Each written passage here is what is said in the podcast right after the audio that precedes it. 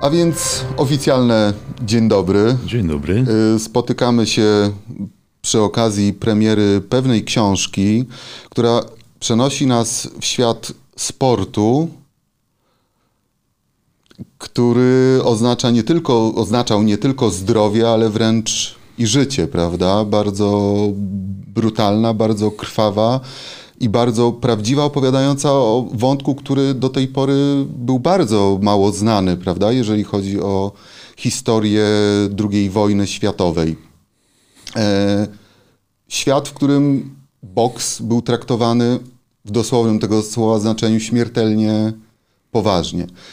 Mamy do czynienia z dziewięcioma głównymi bohaterami. Oprócz nich przez książkę przewijają się wielkie nazwiska przedwojennego sportu, reprezentanci narodowi, mistrzowie Europy, świata, y, olimpijczycy, którzy trafili do tego samego miejsca, do no, oczywiście tych miejsc obozów koncentracyjnych, ich pododdziałów było sporo. Y, porozmawiajmy proszę o, o tym, jak, jak wyglądało wszystko właśnie w tych miejscach, gdzie ów wielki sport, bardzo często na bardzo wysokim poziomie, wiązał się z jednej strony właśnie z, czasami z, ze śmiercią, z drugiej strony nagrodą.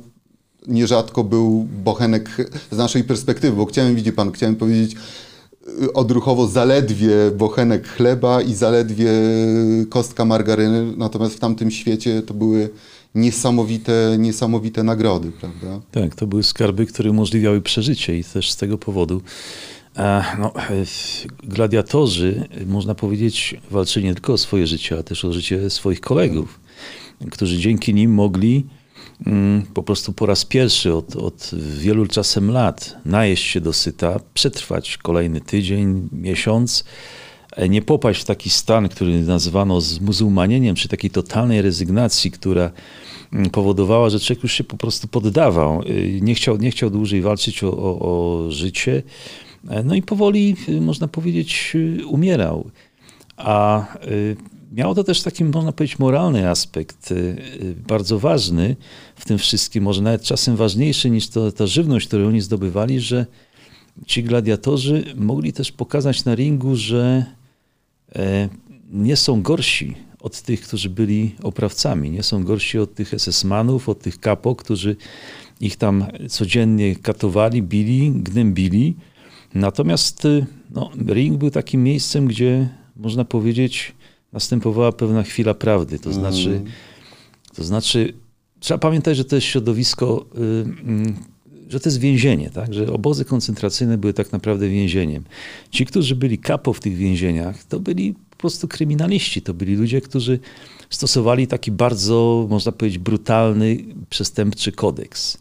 Czyli jeżeli ktoś był od nich lepszy, to można go było zabić, albo można go było, albo trzeba go było zaakceptować. Nie było innej możliwości. Należało go wtedy, można powiedzieć, potraktować na równi z sobą. W przeciwnym wypadku to taki, taki człowiek, który przegrał, taki kapo, który przegrał w ringu z więźniem, nieważne Polakiem, e, Żydem czy, czy, czy Cyganem, automatycznie, można powiedzieć, tracił e, swoją pozycję w tej, w tej przestępczej obozowej hierarchii, więc to jest bardzo skomplikowana zależność. Natomiast dla samych więźniów, oczywiście te zwycięstwa ich kolegów, y, też, też przecież współwięźniów, to było coś takiego, co niesamowicie podnosiło ich na duchu. No była ta oprócz właśnie dzielenia się fizycznie owymi nagrodami, yy, no owa strawa moralna, prawda, pod, podnoszenie morale i no, te okrzyki, kibicowanie, kiedy Polak mógł bezkarnie, nie, nie, nie zawsze, o tym porozmawiamy później, no ale dać w tę mordę Niemcowi, który miał na sumieniu x istnień ludzkich, Tak, i prawda? można powiedzieć, że on to bił nie, nie tylko w swoim imieniu, ale w imieniu wszystkich tych, którzy byli tam w jakiś sposób no, bici, katowani, y, zabijani. Ale to, co mi utkwiło w pamięci, taki cytat mm, jednego z, z więźniów y, z Auschwitz, to, czy, czy może z Grossrosen, e, to, że oklaski w, w obozie brzmiały tak samo jak na wolności. To był właśnie ten dźwięk, który im przypominał wolność. Ten dźwięk, który dawał im to takie poczucie, że to jest taka chwila, kiedy oni się od tej obozowej rzeczywistości mogą wyzwolić.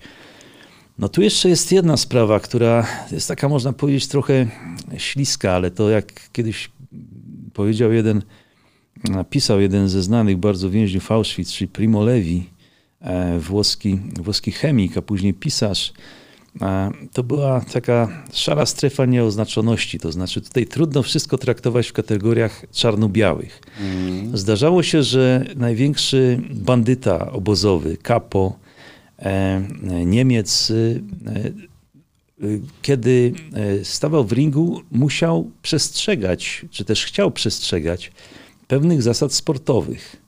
To znaczy, oni oprócz tego, że byli, że byli bandytami zmuszonymi, czy też dobrowolnie zajmującymi się katowaniem czy pilnowaniem więźniów obozów koncentracyjnych, E, jeśli byli sportowcami, to gdzieś tam do głowy wbito im jednak, że są pewne zasady fair mm. play, których należy przestrzegać. I to, jak się okazuje, było silniejsze nawet niż te wszystkie rasistowskie, nazistowskie e, e, bzdury, które im, im, im wcześniej do głowy wbijano. Więc to też jest taki, można powiedzieć, po, po, po lekturze tej książki można nabrać takiego przekonania, że sport był jednak czymś więcej tak, w, w, tym, w tym brutalnym świecie niż tylko taką rywalizacją brutalną. Mm. On z, y, powodował, że nawet z największych bandytów czasem wychodziły po prostu ludzkie odruchy. Mm. A propos bandytów. E, przypomina mi się jedna z sytuacji z, związanych z pierwszym y, bohaterem pańskiej książki, e, Tadeuszem Pietrzykowskim. Bo teraz tak, z jednej strony oczywiście uznani pięściarze mogli liczyć na lepszą pracę, którą mogli sobie wybierać. Na przykład praca przy zwierzętach, gdzie był dostęp do mleka, można było podjeść sobie otrębów i tak dalej, mieć lżejszą pracę, być lepiej odżywionym. Natomiast pojawiała się również kwestia pewnej ochrony. Taka osoba stawała się cenna i w przypadku Pietrzykowskiego chociażby tutaj właśnie y, ta sytuacja, w której był zagrożony i został ostrzeżony przez jednego ze swoich no, fanów, SS-mana Adolfa Benno, prawda? Więc tak. tutaj jak gdyby mówimy o rzeczy, która w dosłownym tego słowa znaczeniu mogła ratować życie, zarówno krótko, jak i długofalowo, prawda? Tak, i to właśnie był ten, ten moment, kiedy y, właśnie ci nadzorcy kapo musieli uznać takiego boksera, który zwyciężał, za kogoś równego sobie, czy prawie równego mm. sobie, no i przyjąć go w jakiś sposób, zaakceptować do tego grona, co oznaczało automatycznie również e, lepsze warunki życia. Co nie znaczy, że on się stawał jednym z nich. Natomiast, no, można powiedzieć, miał o wiele większą swobodę mm, e, i poruszania się po obozie, i też wyboru, i pracy, czy, czy, czy nawet sposobu wykonywania tej pracy niż, niż inni. Oczywiście, że e, w tym wszystkim wiązał się również e, hazard. Stawiano bardzo mocno na tych ludzi, którzy wygrywali. No i też w tej sytuacji tym, którzy byli właśnie tymi hazardzistami, którzy, którzy często brali udział w zakładach właśnie, zależało na tym, żeby bokser był w dobrej formie. Mm. I to, to można powiedzieć, była to bardziej taka y, praktyczna strona to tego. To niesamowity wątek, który każdy z czytelników pańskiej książki no, będzie miał tutaj szeroko otwarte oczy, jakiego, jak, jaka to była skala, no mówiąc ładnie po polsku, biznesu. Mówimy tutaj o tym, że w realiach obozowych zaczęto organizować wielkie, uroczyste gale, czasami w jakichś tam salach, czasami w większych barakach. No, hmm. Wręcz jedna z sytuacji, w której na placu apelowym ustawiono namiot cyrkowy. Tak. Te gale miały oprawę w postaci występów uznanych śpiewaków operowych, yy, jakichś no, elementów nawet komicznych, bo tutaj też doskonała do, doskonały przykład. Y, ten moment, w którym sędzia biega po ringu z tą walizą, na której są naklejki zamiast gdzieś tam kurortów jakichś wypoczynkowych, tak, bądź hot, ho, hoteli, nazwy obozów koncentracyjnych. Mhm. Także nies, niesamowita rzecz i niesamowite pieniądze, ponieważ tutaj te stawki rosły. Ci zawodnicy sami zarabiając te parę bochenków chleba, ewentualnie dodatkowy parę garnków zupy, którą zostawili SS-mani. Tu też podkreślmy, nie tylko oczywiście dla siebie, ale też yy, dla kolegów. Natomiast SS-mani, Capo, no, rozwinęli wielki pięściarski biznes z, z galami, tak jak wspomnieliśmy, z promotorami bokserskimi. No, tak, to zdarzało się nawet, że zapraszano z, z Berlina waż, ważnych generałów specjalnie na jakąś walkę, do której dobrano dwóch mocnych przeciwników. Rzeczywiście hazard był ogromny. E, no, co oczywiście było związane z faktem, że obozy koncentracyjne były też miejscem ogromnego rabunku. Tak? I, te, I te pieniądze, które tam e, SS-mani y, po prostu e, zabierali tym, którzy, którzy e, najpierw po prostu byli więzieni, a potem po prostu byli zamordowani. Była przecież ta słynna Kanada, potem druga miejsce, gdzie sortowano rzeczy ludzi wysyłanych na śmierć. Tam były ogromne ogromne skarby czasem, które oni ze sobą zabierali. I potem duża część tego, oprócz tego, że to wszystko miało iść gdzieś tam do kasy SS w Berlinie, mm, duża część była oczywiście kradziona przez samych, przez samych nadzorców, przez samych SS-manów. I na tym się też opierały e, te ogromne zakłady, które miały miejsce e, na przykład w Auschwitz. Natomiast no jest też taka taka scena przeze mnie opisana, kiedy Tadeusz Pietrzykowski trafił już do Neuengamme, które jest, było obozem koło Hamburga. I tam sami więźniowie w czasie odgruzowywania miasta po którymś z alianckich nalotów znajdowali ogromne e, tak, kosztowności, pieniądze. Tak.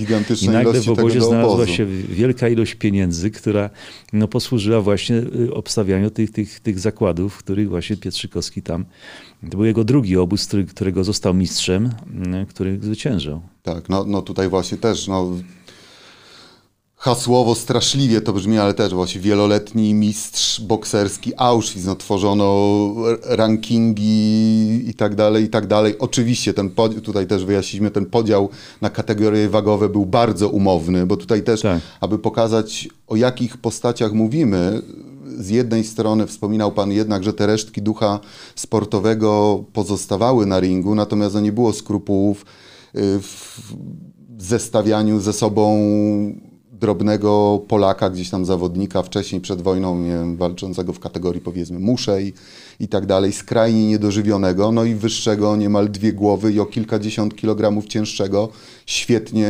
odżywionego kapo na przykład, prawda? Więc... Tak, no to, to były właśnie też takie, mm, takie testy, można powiedzieć, kto jest w stanie zapewnić lepsze widowisko, jeżeli zawodnik ważący 50 kilka, no góra 60 kg, bo chyba tej wagi Pietrzykowski w Auschwitz nie przekroczył.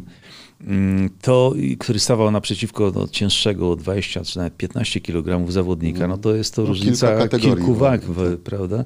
Kilku kategorii wagowych, a tam no, po prostu liczyła się technika, a też taka determinacja, bo historia z, z Pietrzykowskim jest o tyle ciekawa, że on przed wojną nie był wcale jakimś wybitnym bokserem można powiedzieć, że mm, miał duży, duży talent zadatki, i duże tak, zadatki. Tak. Natomiast y, on był nierówny. On często chorował, często miał kontuzję. No, jednak artysta. Tak, człowiek, no, który tra... chciał bardziej być y, malarzem. Chciał być malarzem, no, boks y, właśnie go wciągnął na jakiś czas, bo potem zajął się też innymi sportami. Mm, boksował w Legii, natomiast rzeczywiście on był taki o tyle trudny, że nie można było na niego liczyć, bo nie było wiadomo, czy akurat nie złapie kontuzji, nie rozchoruje się. No w każdym razie miała, drużyna miała z niego pożytek bardzo duży, jak był w formie, natomiast kiedy tę formę tracił, to był straszliwie nieprzewidywalny i nierówny. I to, co jest niezwykłe w tej postaci, to to, że te wszystkie jakby dolegliwości w Auschwitz zniknęły. On stał się po prostu maszyną, maszyną mm. bojową.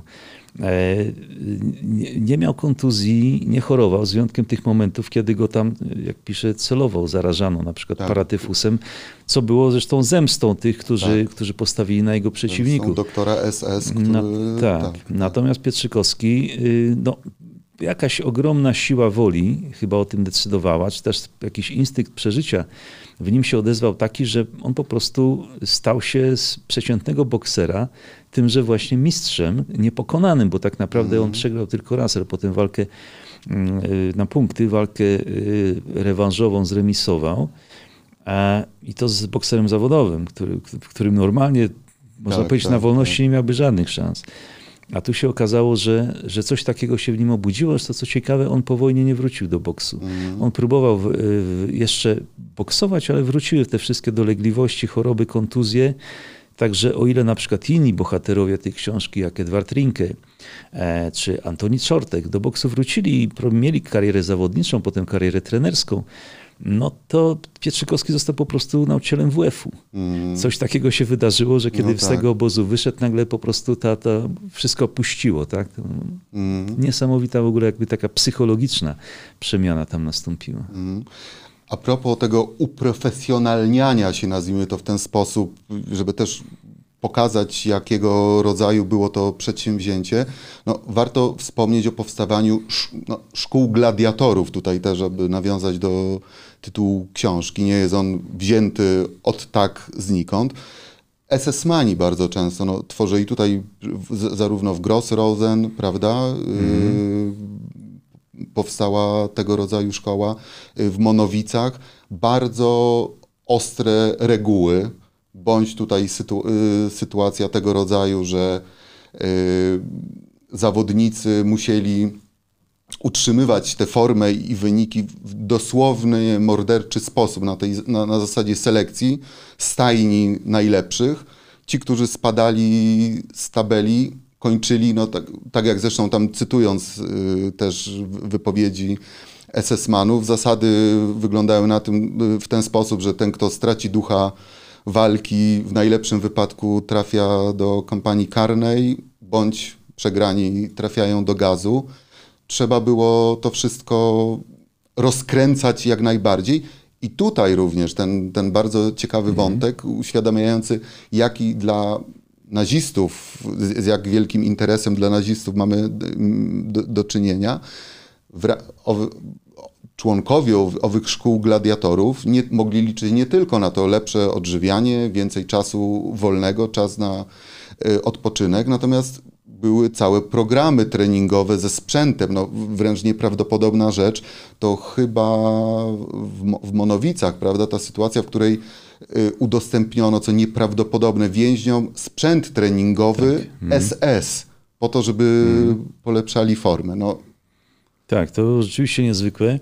No, szkoła taka gladiatorów, można powiedzieć, taka y, najbardziej brutalna, to było właśnie w Grossrosen, w tych czasach, kiedy jeszcze kompletnie się tam liczono z życiem więźniów, dlatego że potem trochę zmieniono stosunek do nich w momencie, gdy Niemcy zaczęły przegrywać na froncie wschodnim, zaczęło brakować rąk do pracy zaczęto bardziej, można powiedzieć, cenić to życie, oczywiście do pewnego momentu, mm. ale wcześniej rzeczywiście w, w Grossrosen było tak, że kapo wybierali sobie więźnia i po prostu go katowali dopóki... A no tak, bo w Grossrosen to dopóki zasada, go, że ide, ide, ideałem jest zabicie jednym tak, uderzeniem. To zabije jednym uderzeniem, może, może drugim, może trzecim, no w każdym razie mm, w każdym razie to się no, zmieniło do, dopiero po długim czasie, ale wcześniej wcześniej chyba sami kapo doszli do wniosku, że może to jest już zbyt nudne, tak? I, i lepiej znaleźć kogoś, kto będzie rzeczywiście się przynajmniej bronił, bo to też mhm. była taka, można powiedzieć, zasada, że no przecież normalnie w obozie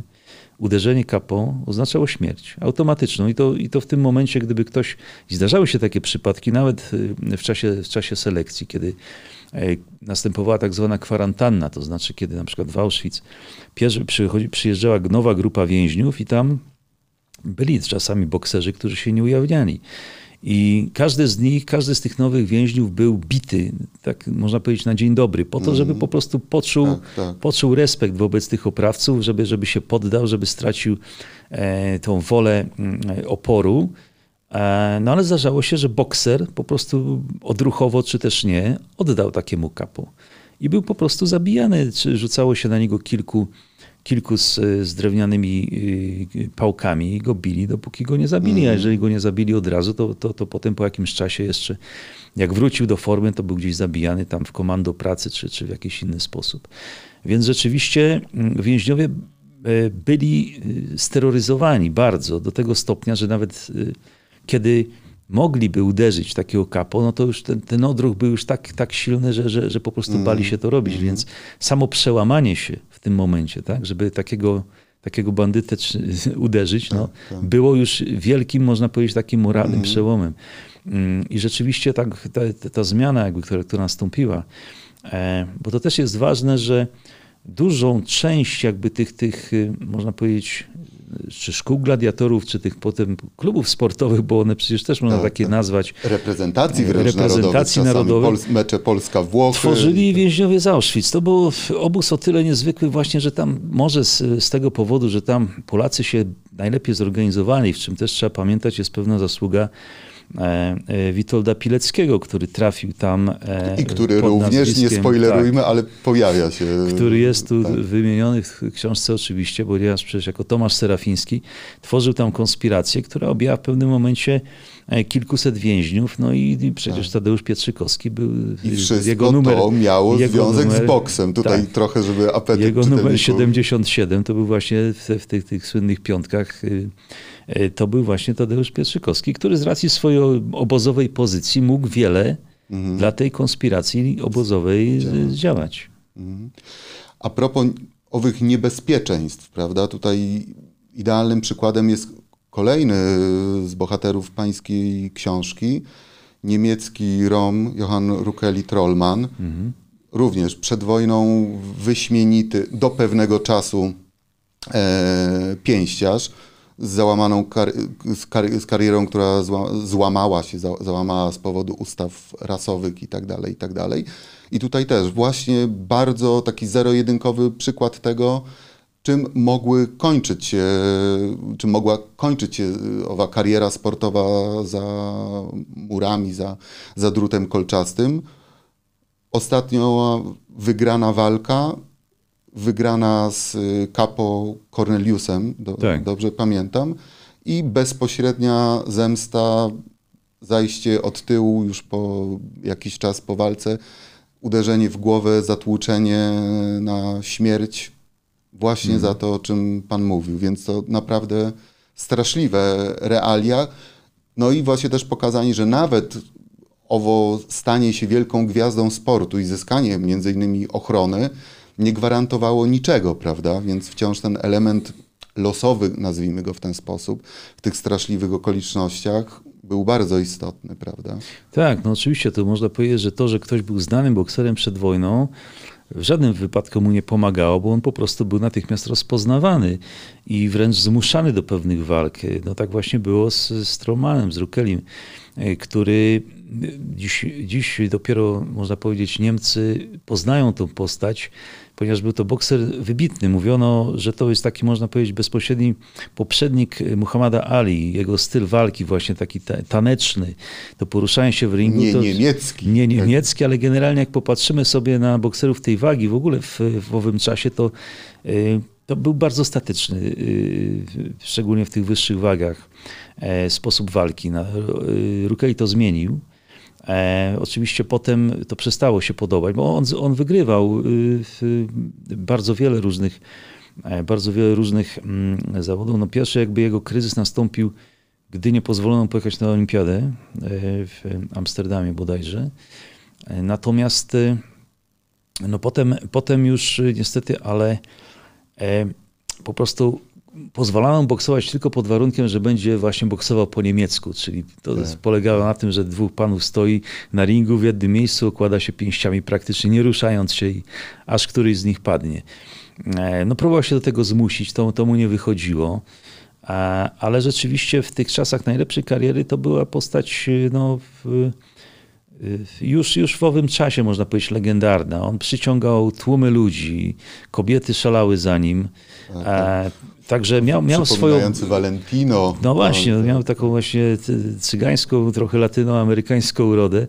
E, I, i rzeczywiście no, miał grupę fanów, która, która wszędzie za nim jeździła. No, w momencie, gdy trafił do, do obozu koncentracyjnego, a też pamiętajmy o tym, że to było dość wcześnie, Mm, bo ja tutaj y, zaczynam od, od y, Pietrzykowskiego w książce, ale Pietrzykowski nie był pierwszym, Tak, który tak. trafił do obozu koncentracyjnego. Byli bokserzy właśnie z Niemiec, y, tak, tacy jak Bulyszot, jak, jak, jak Troman, którzy trafili tam, którzy trafili tam przed nim.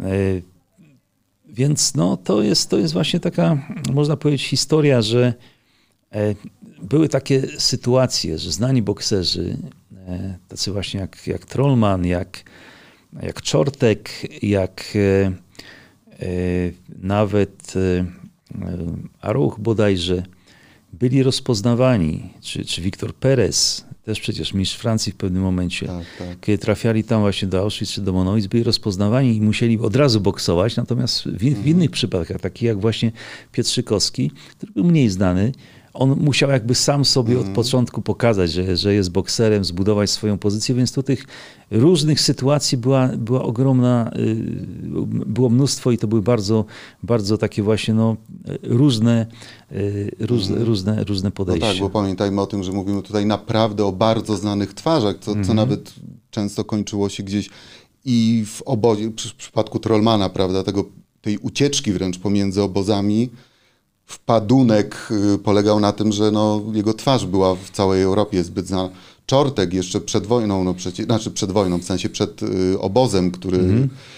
miał fałszywą kenkartę, został rozpoznany przez patrol, ponieważ no, to była pierwszoligowa No tak, y, on był, on był w kadrze, na, kadrze Tak, narodowej, tak. więc Ale chodzi mi o właśnie wątek nawiązujący do tego, co mówił Pan wcześniej, owego odmawiania walki i tego, że nie każda osoba chciała iść tą drogą, nawet będąc utytułowanym świetnym pięściarzem.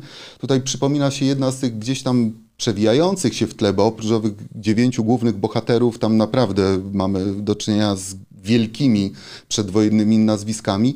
Holenderski olimpijczyk Ben Brill, prawda, który trafiając do obozu, będąc rozpoznanym jako fenomenalny pięściarz, no, nie, nie mógł odmówić bezpośrednio, no wiadomo, że wiązałoby się to ze śmiercią, natomiast celowo zaczął przegrywać walki.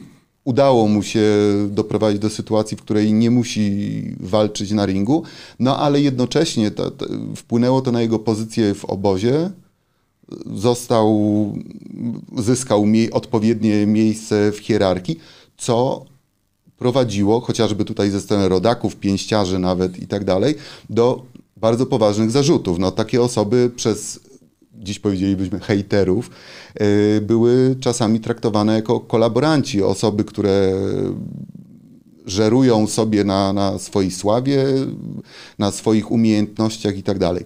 Pan unika tutaj w swojej książce takich jednoznacznych ocen moralnych, tego, co było najlepsze. Wiadomo, no my możemy sobie z dzisiejszej perspektywy siedzieć tutaj w spokoju, prawda, i dywagować, co zrobilibyśmy w podobnej sytuacji. Nie, nie, nie da się tego No przewidzieć. sytuacji- Ale jeżeli chodzi właśnie o to, o, o te kwestie tej oceny moralnej, jak, jak to wygląda? No tu niewątpliwie włączały się, można powiedzieć, różne strategie przetrwania. Niektórzy mm, robili dokładnie to, czego, czego od nich oczekiwano. To znaczy byli tacy bokserzy, jak na przykład y, Martynowski, też Grossrosen, y, który w wadze ciężkiej też miał tam bodajże tytuł mistrza obozu, mm, który był, był, y, bił Niemców, ale jednocześnie też nie żałował swoim kolegom, dlatego że on był, miał tam funkcję kapo i, i był zapamiętany również przez wielu więźniów jako brutalny człowiek. No i tutaj z tym, że no oczywiście wszystko polegało na tym, czy, czy, czy są przekraczane jakieś granice. No przemoc w tym świecie była na porządku dziennym.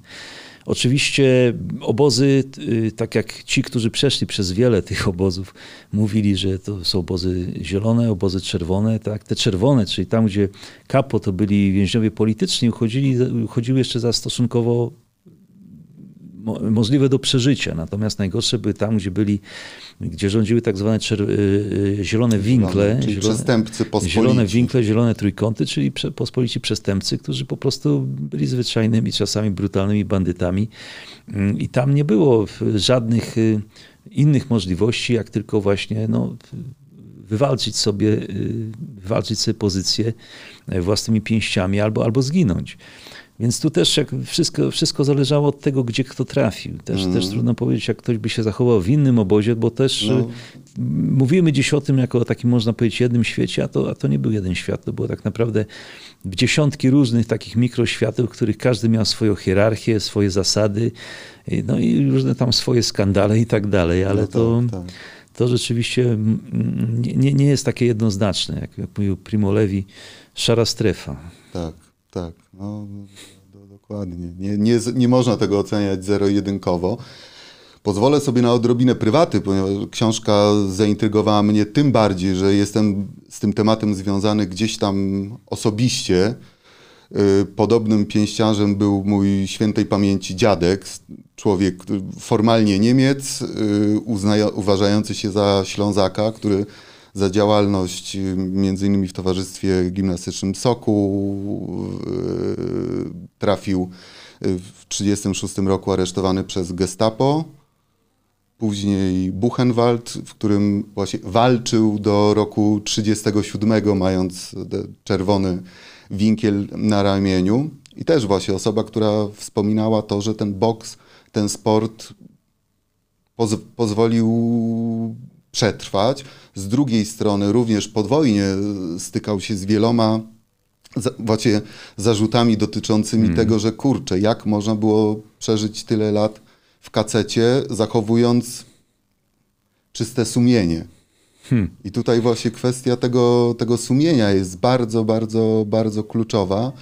Y, no ale tak jak pan powiedział wcześniej, sport z jednej strony, który pozwalał zachowywać nawet najgorszym postaciom odrobinę resztki społeczeństwa, y, człowie, y, człowieczeństwa, z drugiej strony no jednak prawa dżungli, prawo, prawo dżungli rządzące tym światem, prawda?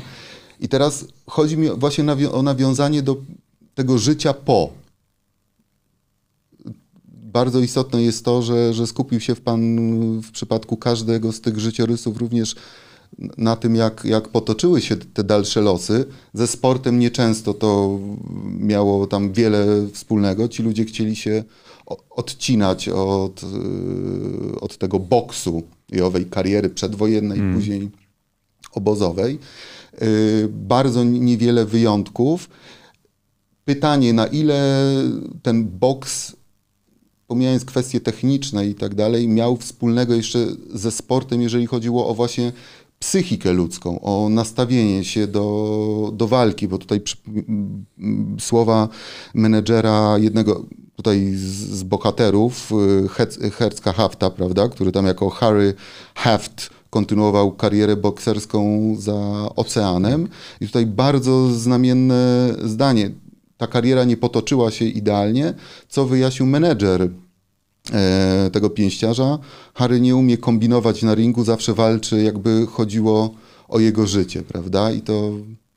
Tak, to była jego właśnie Przegrana walka z Rokiem Marciano, który był przecież mistrzem e, z, z zawodowym w Stanach Zjednoczonych, można powiedzieć takie zupełnie niesamowite spotkanie dwóch światów, bo przecież ten boks amerykański, on był w, szczycie popularności w latach 50., a Harry Huff trafił tam też trochę, można powiedzieć, dzikim fartem, dzięki różnym swoim kombinacjom i koneksjom, mm. udało mu się wyjechać do Stanów Zjednoczonych. No i tam w jakimś sensie no, postanowił to, to karierę kontynuować, chociaż y, zdając sobie sprawę z tego, że za, za tymi różnymi układami ringowymi stoi, stoi mafia, więc y, no, tutaj też ta walka z Marsjano do końca życia twierdził, że była w jakiś sposób mafia zawsze gdzieś ustawiona. Tak, postaci. Właśnie, więc tak, to, to jest też taki, można powiedzieć, dramat y, tego człowieka, który no, chciał być może wrócić, hmm. może inaczej. On nie był zawodowym bokserem, on boksu nie trenował, miał wybitny talent ale rzeczywiście walczył tak, jakby chodziło o życie, bo on, on technicznie był słaby, natomiast rzeczywiście miał jakąś niesamowitą odporność, determinację,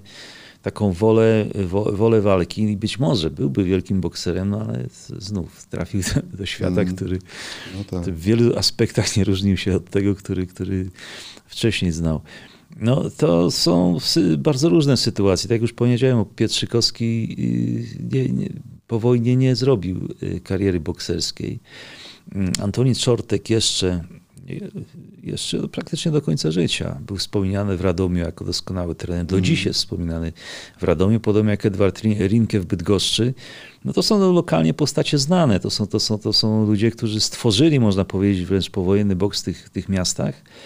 Mm, natomiast no, z innymi sprawy się potoczyły bardzo różnie.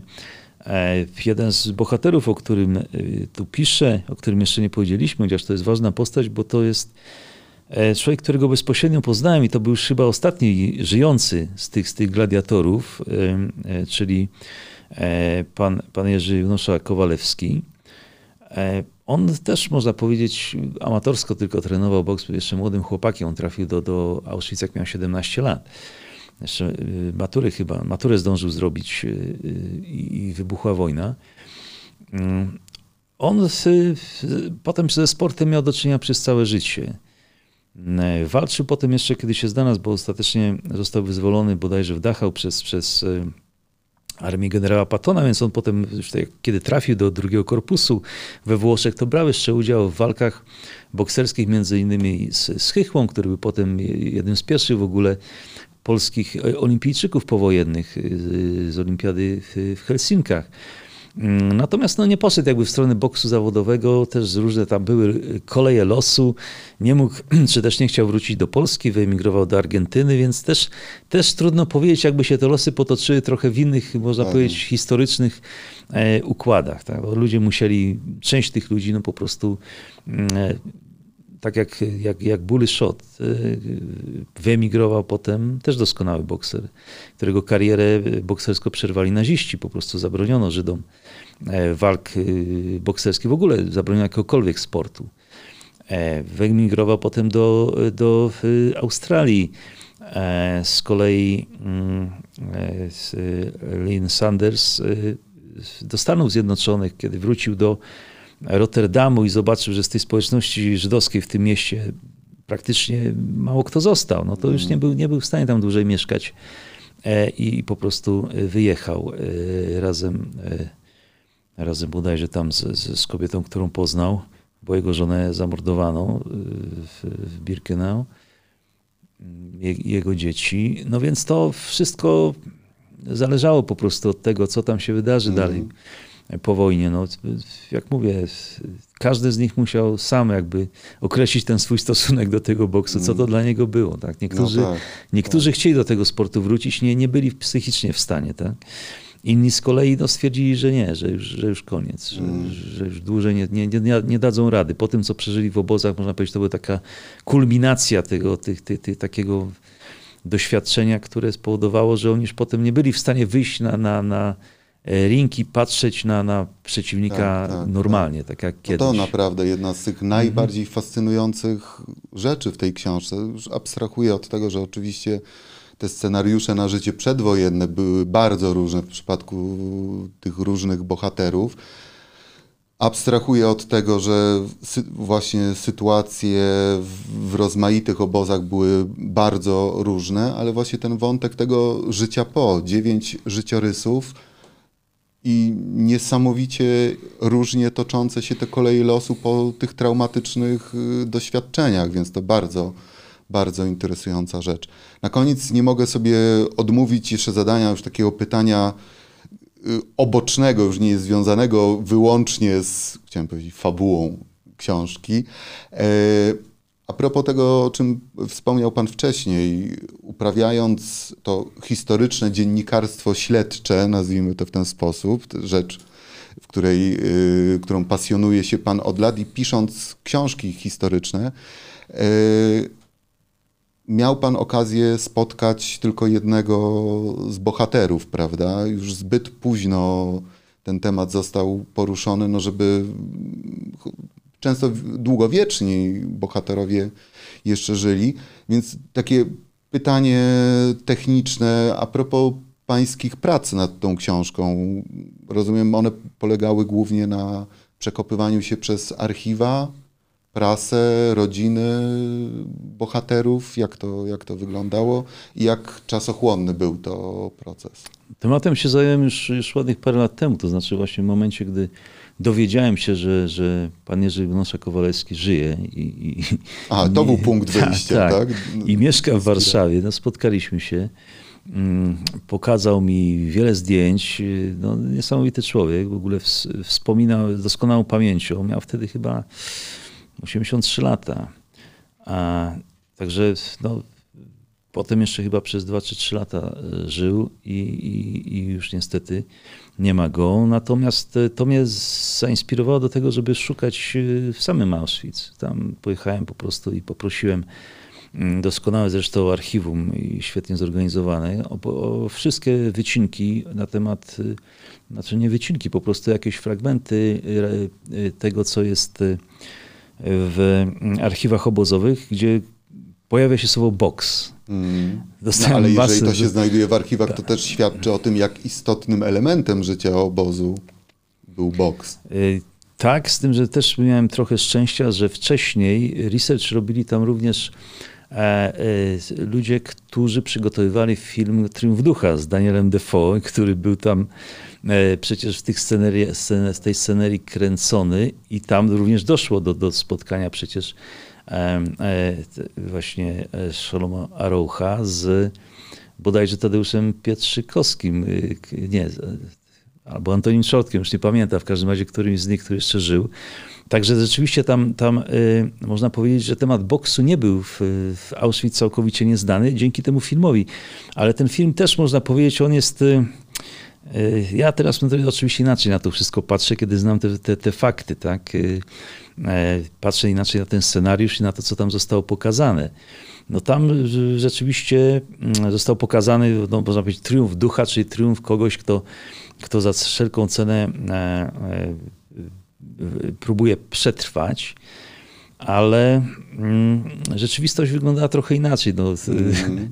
To, w jaki sposób ten, ta historia została opowiedziana.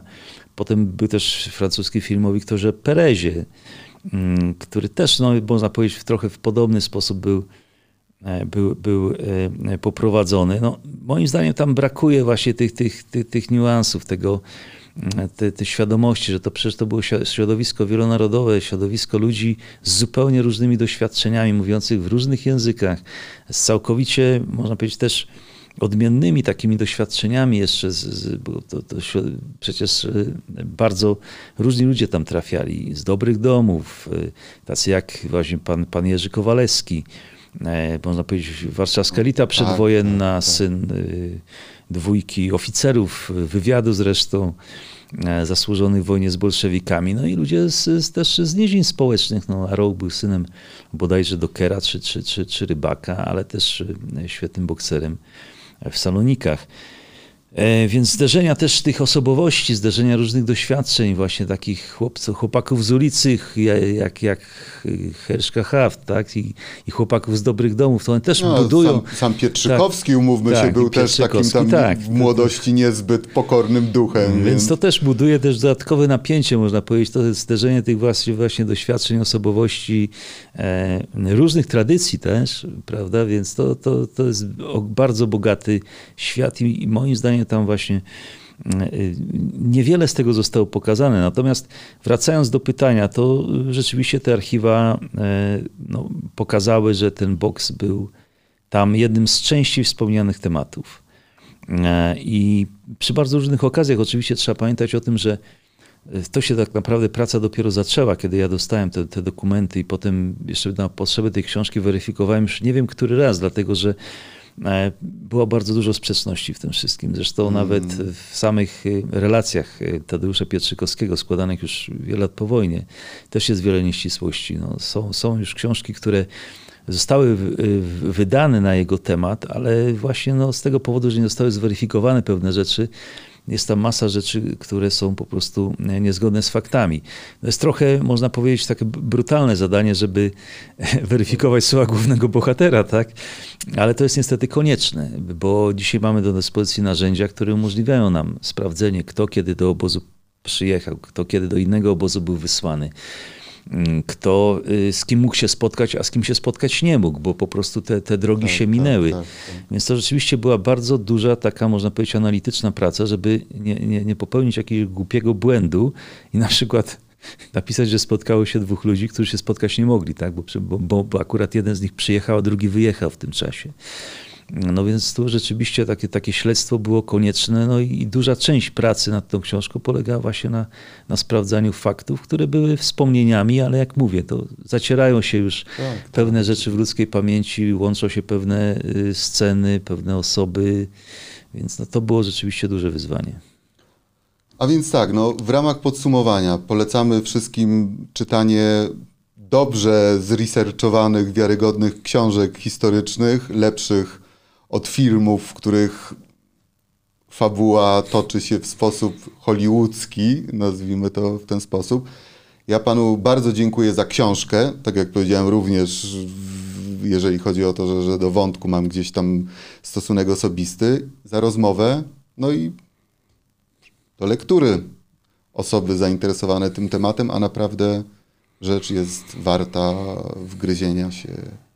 No, dziękuję bardzo i bardzo serdecznie zapraszam do, do lektury książki. Myślę, że poszerzy wiedzę i też no, taką, można powiedzieć, wiedzę, wie- wiedzę o człowieczeństwie jako takim, bo to jest... Właśnie, bo to jest, to jest bardzo istotny element tej książki, nie tylko warstwa historyczna jako taka, natomiast no, temat jest tak ciężki, złożony, niejednoznaczny, a jednocześnie tak ważny dla idei człowieczeństwa jako takiej, że tak, tak. Bardzo raz jeszcze dziękuję. Dziękuję bardzo.